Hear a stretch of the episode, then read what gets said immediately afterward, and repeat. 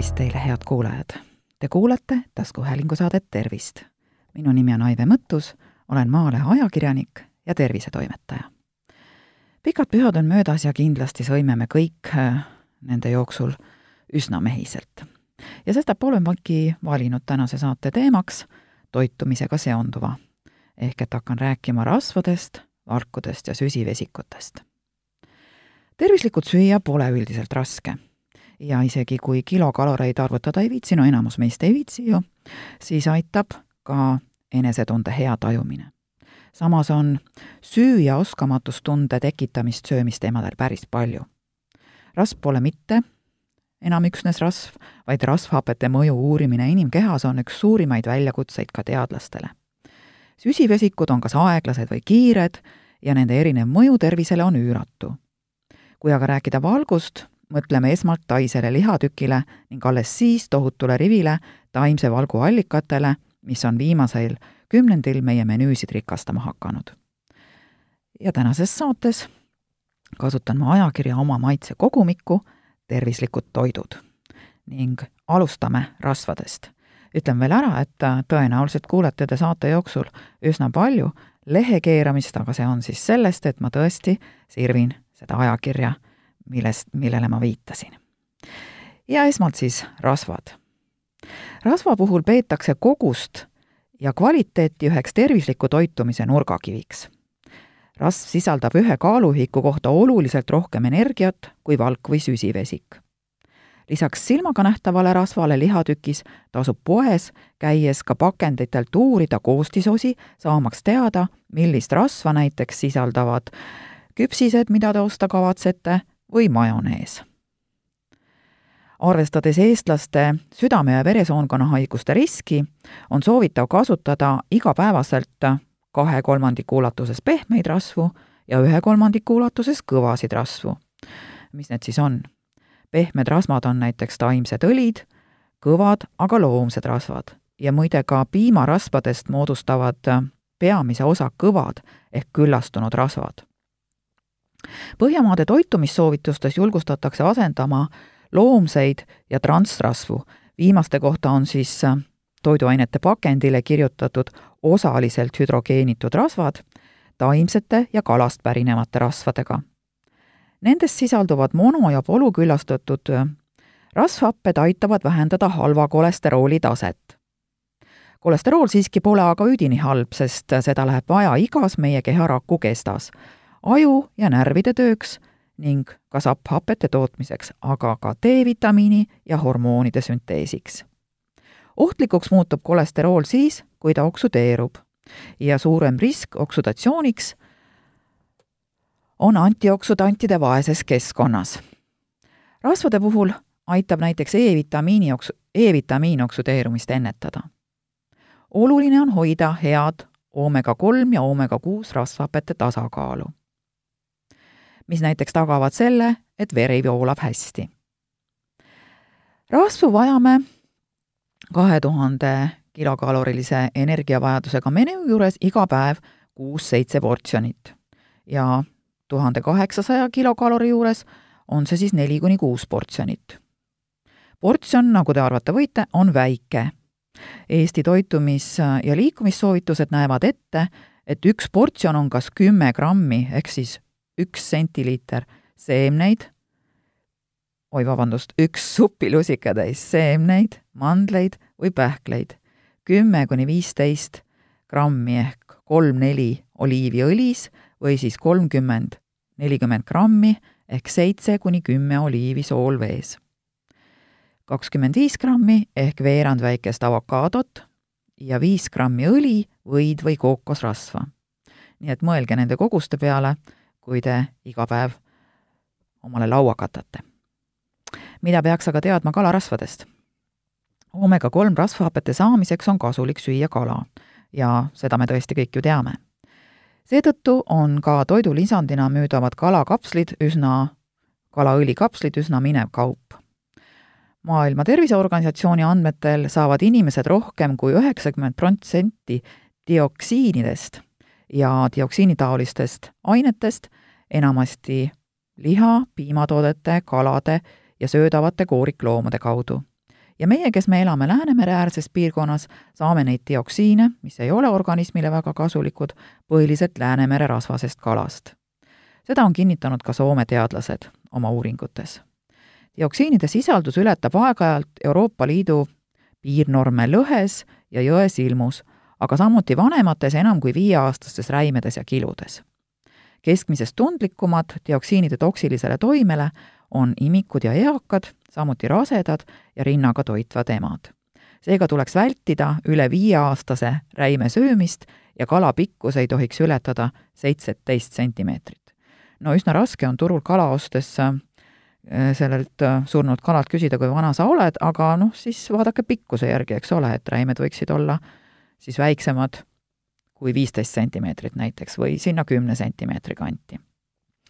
ja meie põhjanaabrid soovitavad oomega kolm rasvahapete saamiseks pigem tarvitada hoopis taimseid allikaid, näiteks rüpsiõli, kuid kala vajame me aga peamiselt D-vitamiini saamiseks. nii et kala söömist ärge unustage. ja rasvad, nagu öeldud, ei ole üldsegi mitte halvad. peamine, et neid tarbida mõistuspäraselt. Millised on parimad äh, rasvade allikad? tervislikkuse seisukohalt on need siis Äh, kahanemas järjekorras niiviisi. kanepiseemned, linaseemned, soojaoad, kreeka pähkel, vetikad, päevalilleseemned, seesamiseemned, mandlid, metslinnuliha, vasikaliha, kanaliha, külmpressitud õlid, munad või lambaliha, veiseliha, röstitud seemned ja pähklid, piimatooted, sealhulgas ka jäätis, sealiha, rafineeritud õlid ja siis kõige viimases järjekorras margariinid. rea esimesse poolde liigitatakse ka avokaado ning hea on teada sedagi, et rasvasteks kaladeks, milles on siis üle viieteistkümne protsendi rasva, on lõhe, makrell ehk skumbria, angerjas, heeringas, räim, silk, rääbis, sardiinid ja siig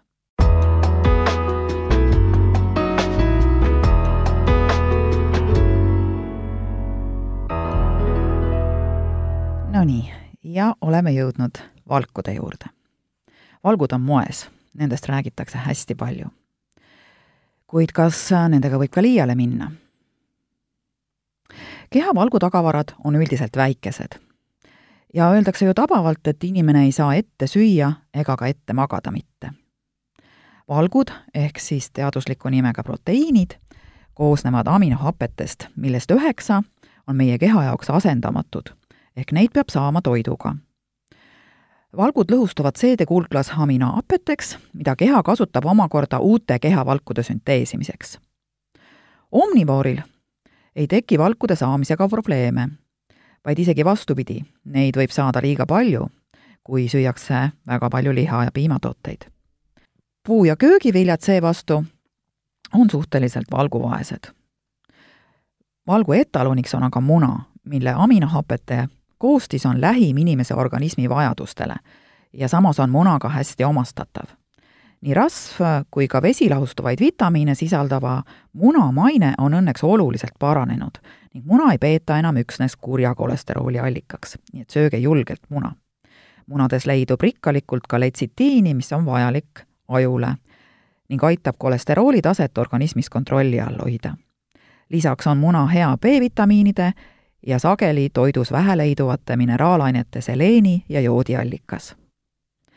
Soovituslik valkude kogus peaks päevas jääma null koma kaheksa kuni ühe koma kahe grammi vahele kehakilogrammi kohta.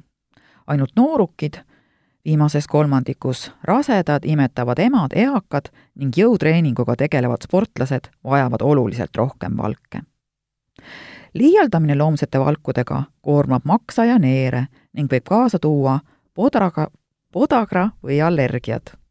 Kindlasti vajab valgurikkam menüü lisaks vedelikke, et aidata kaasa valkude ainevahetusele. eriti koormamaks muutub loomsete valkudega liialdamine, millega kaasneb ka suurema küllastatud rasvhapete saamine, mis on omakorda ohustaks, ohustajaks südame-veresoonkonna haiguste tekkele paljud uuringud kinnitavad ka seost teise tüübi diabeediga. Valkude põhiülesanne on tagada organismi kasvamine, ehitus ja areng. peaaegu kõik ensüümid ning osa hormoone on valgulise koostisega. välimusele mõeldes on selle poolest siis valkude poolest olulised küüned ja juuksed, aga ka kõõlused ja lihased. valgud hoiavad korras ka immuunsüsteemi, sest osalevad aktiivselt antikehade tootmises. valkude saamine on väga tähtis keha transpordisüsteemis, kus jagatakse laiali vitamiinid, mineraalained, glükoos ja teised. milline seos on aga valkudel, unel ja sinistel ekraanidel? valgud lagundatakse organismis aminohapeteks, millel on oma ülesanded. ja üheks neist on trüptofaanist serotoniini ja melatoniini sünteesimine. serotoniin annab meile erksuse ja selle tootmine aktiviseerub, kui näeme sinist taevast või ka siniseid ekraane. seega on äh, sinine värv organismile signaaliks olla ergas ja aktiivne ning otse loomulikult äh, rikub see õhtul meie une. unehormooni melatoniini süntees aktiveerub bioloogilise kella järgi just õhtupoolsel ajal. Trüptofaan vajab partneriks süsivesikut, et alustada serotoniini või melatoniini tootmist. seega sobivad uneeelseteks ampsudeks näiteks hästi piim koos vähese meega, banaan, kana ja kalkuniliha, kala, päevalilleseemned, kaeraküpsis või siis sinna juurde ka piim, kuivatatud tatlid, maapähklid ja muide ka kirsid sobivad, sest neist on leitud looduslikku melatoniini. Äh, miks aga vanad eestlased süldist lugu pidasid? kuni kolmkümmend viis protsenti kõigis äh, kehas leiduvatest valkudest moodustab kollageen, mis on ka järjest populaarsem toidulisand. ja sageli kohtab kollageeni kosmeetikatoodetes, mis siis lubavad, et kortsud kaovad imeväel. no tegelikult see muidugi nii päris ei ole. Aga tõsi on see, et kollageeni tootmine langeb vanemaks saades tõepoolest ja seetõttu tekivad nahale ka kortsud. kollageenil on aga veelgi tähtsam roll meie veresoonte elastsuses, igemete ja liigeste tervises. kollageeni toimel mineraliseeruvad luud, sidudes nii kaltsiumi, magneesiumi kui fosforit organismis algab kollageeni tootmine proliinist ja glütsiinist. aminohappe glütsiin kuulub asendatavate aminohapete hulka, kuna inimene suudab seda ise toota seriinist. seda leidub näiteks želatiinis, sea- ja kananahas. proliini leidub munavalges, nisuidus, piimatoodetes, kapsas, sparglisseentes. aga kollageeni ei moodustu, kui organism vaebleb C-vitamiini puudujäägi käes mis siis võib tekkida näiteks talvisel ajal või ka kevadisel ajal üsna paljudel inimestel. Äh, samas tuletame siis meelde, mis on head C-vitamiini allikad, no nendeks on paprika, astelpaju, kibuvits, mustsõstar, igasugused idandid, kevadised umbrohud ja muu. kevadel muide umbrohtude söömisel olge siiski ettevaatlik, sellepärast et äh, kõik umbrohud ei kõlba sugugi mitte süüa ja te peate kindlalt teadma mida te salati sisse panete. kollageeni moodustumist mõjutab ka vasesisaldus meie toidus ning parem, parimad vaseallikad on pähklid ja seemned, kakao, rupskid, sült, eks ole. uudseks võib aga pidada öö, uuringuid, mis ütlevad, et lisaks päikesele, välisõhusaastele ja muule sarnasele muudab naha vanemaks ka suhkrurikas menüü, mis kahjustab nii kollageeni tootmist kui ka elastiini, mis on sidekoe koostisosa, tagades naha elastsuse. Kui palju aga liha süüa? liha on väärtuslik ja kallis toiduaine, mille söömise kasulikkuse üle vaieldakse jätkuvalt. kas seda üldse süüa ja kui, siis kui palju on tervislik? no Eestis näiteks süüakse punast liha keskmiselt sada nelikümmend seitse grammi päevas, kanaliha vastavalt aga seitsekümmend koma seitse grammi päevas ja elatustaseme kasvades need näitajad kasvavad tasas, tasapisi.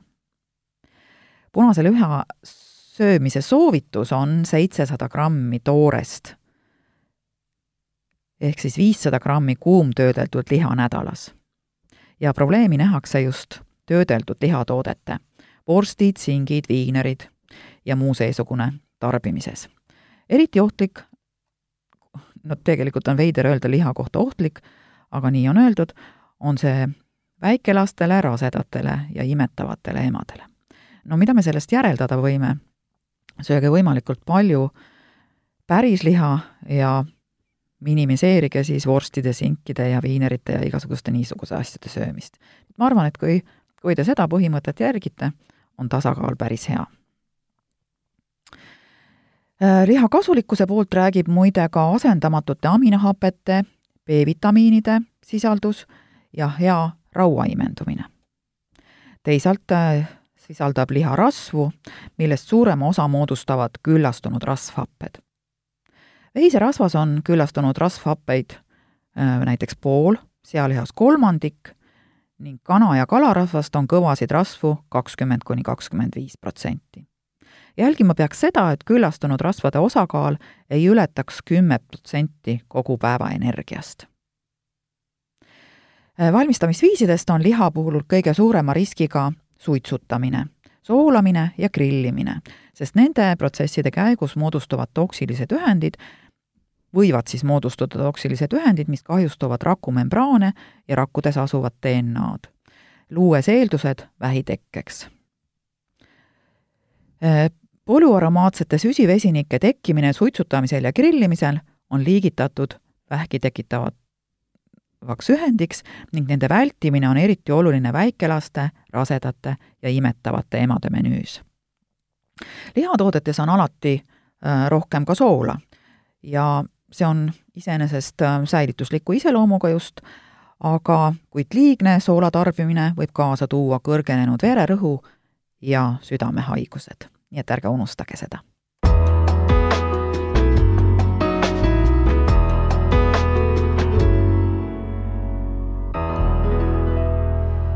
Nonii, ja lõpetuseks vaatame süsivesikuid. süsivesiku nimetuse võttis tuhande kaheksasaja neljakümne neljandal aastal kasutusele keemik ja arstiteadlane Carl Schmidt, kes töötas muide mõnda aega ka Tartu Ülikoolis. süsivesikud on sellised toitained, mis koosnevad suhkruühikutest. ja süsivesikute hulka kuuluvad siis nii tavaline suhkur kui ka piimasuhkur aga ka tärklis, mis koosneb sadadest suhkrumolekulidest. on arvamusi, et süsivesikuurikkad toiduained, nagu näiteks suhkur, viljatooted, kartul ja teisedki juurikad, on kõige kurja juur ja neid peaks sööma nii vähe kui võimalik. no nii, nagu teevad seda näiteks ketogeense dieedi pooldajad leidub aga ka teadusuuringuid, millest selgub, et süsivesikute vaese menüü järgijate varasema suremise risk on oluliselt tõusnud. seega tuleks ikka süsivesikuid süüa, sest meie organism on nii loodud, et ta neid vajab. süsivesik ei ole aga üksnes suhkur.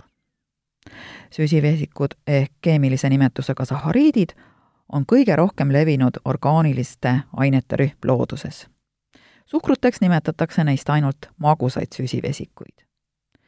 ja just neid, mida me armastame üle kõige millega me ravime oma kehva tuju, millega tähistame olulisi sündmusi ja mis loovad meile ettekujutuse armastusest ja turvatundest. ei tea kinnitada, kas kõigiga nii on, aga mõnede inimestega kindlasti. ja arvatakse, et vastupandamatu magusa isu peamiseks põhjuselt, põhjuseks on tavaliselt äh, vähene energia saamine, siis kui süüakse liiga vähe, põhjused võivad olla aga ka liiga pikad toiduvahed, mil kõht lihtsalt tühjaks läheb. tasakaalustamata toitumise korral, kui süüa ainult valke ja salatit või suure fruktoosisisaldusega toite, võib samuti magusa isu painama hakata. ebapiisav ja tasu, tasakaalustamata rasvhapete sisaldus toidus annab märku, kui hakkame eelistama suurema energiasisaldusega toitu. siis meid kohe hakkab niimoodi tõmbama pasta ja pitsa juurde kuid ka liiga magusa toidu söömine tekitab suuremat isu. ja see tekib siis veresuhkru suurematest kõikumistest. osadel inimestel võibki olla aga suurem toidutung ja seda ohjeldada on keerulisem. ning sageli muutub see aina raskemaks ja raskemaks koos kaalutõusuga. kunagi muide oli toidutung oluline ja aitas inimesel rasketel aegadel ellu jääda, kuid tänasel päeval on sellega üsna raske toime tulla. naljahambad ütlevad, et vanasti me jooksime toidu järele, et seda kätte saada, et ennast millegagi toita, aga nüüd me peame toidu eest ära jooksma, sest toitu on lihtsalt liiga palju. ja enesekontroll ning ihade juhtimine võivad olla ka keerulisemad impulsiivsetel inimestel, tasakaalukamatel inimestel on nendega lihtsam toime tulla.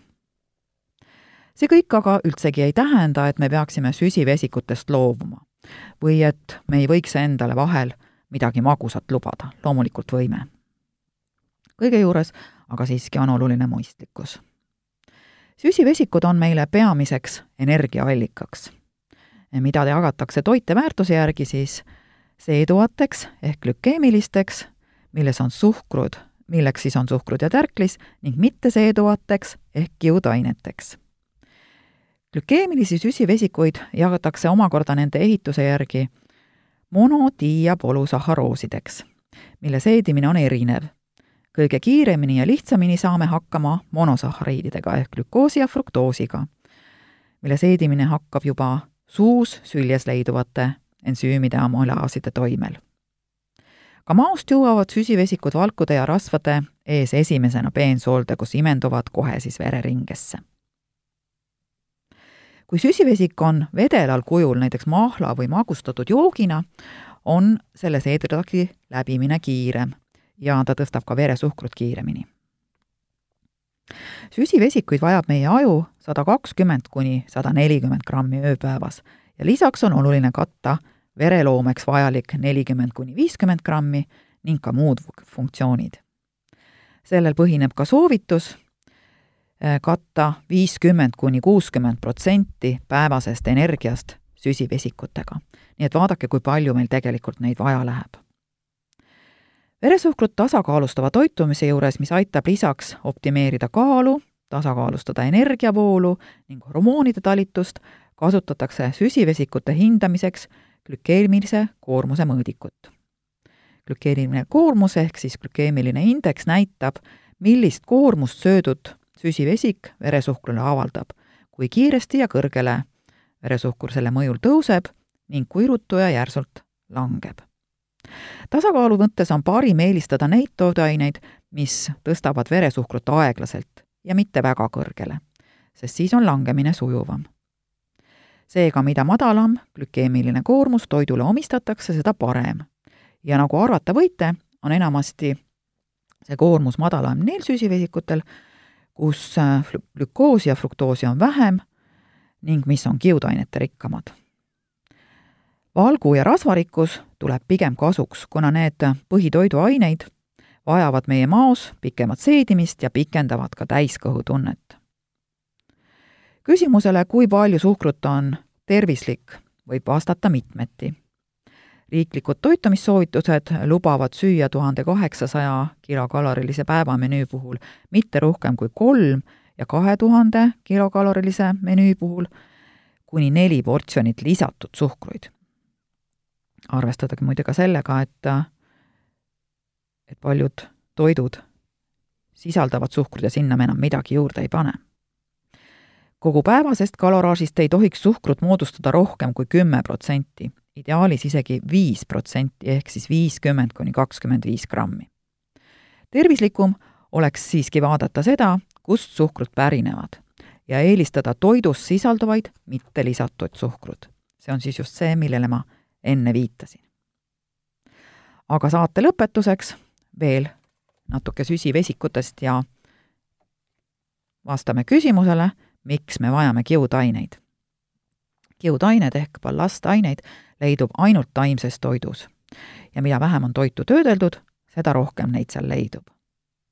parim viis neid oma menüüsse küllaldaselt saada, on süüa siis taimset toitu.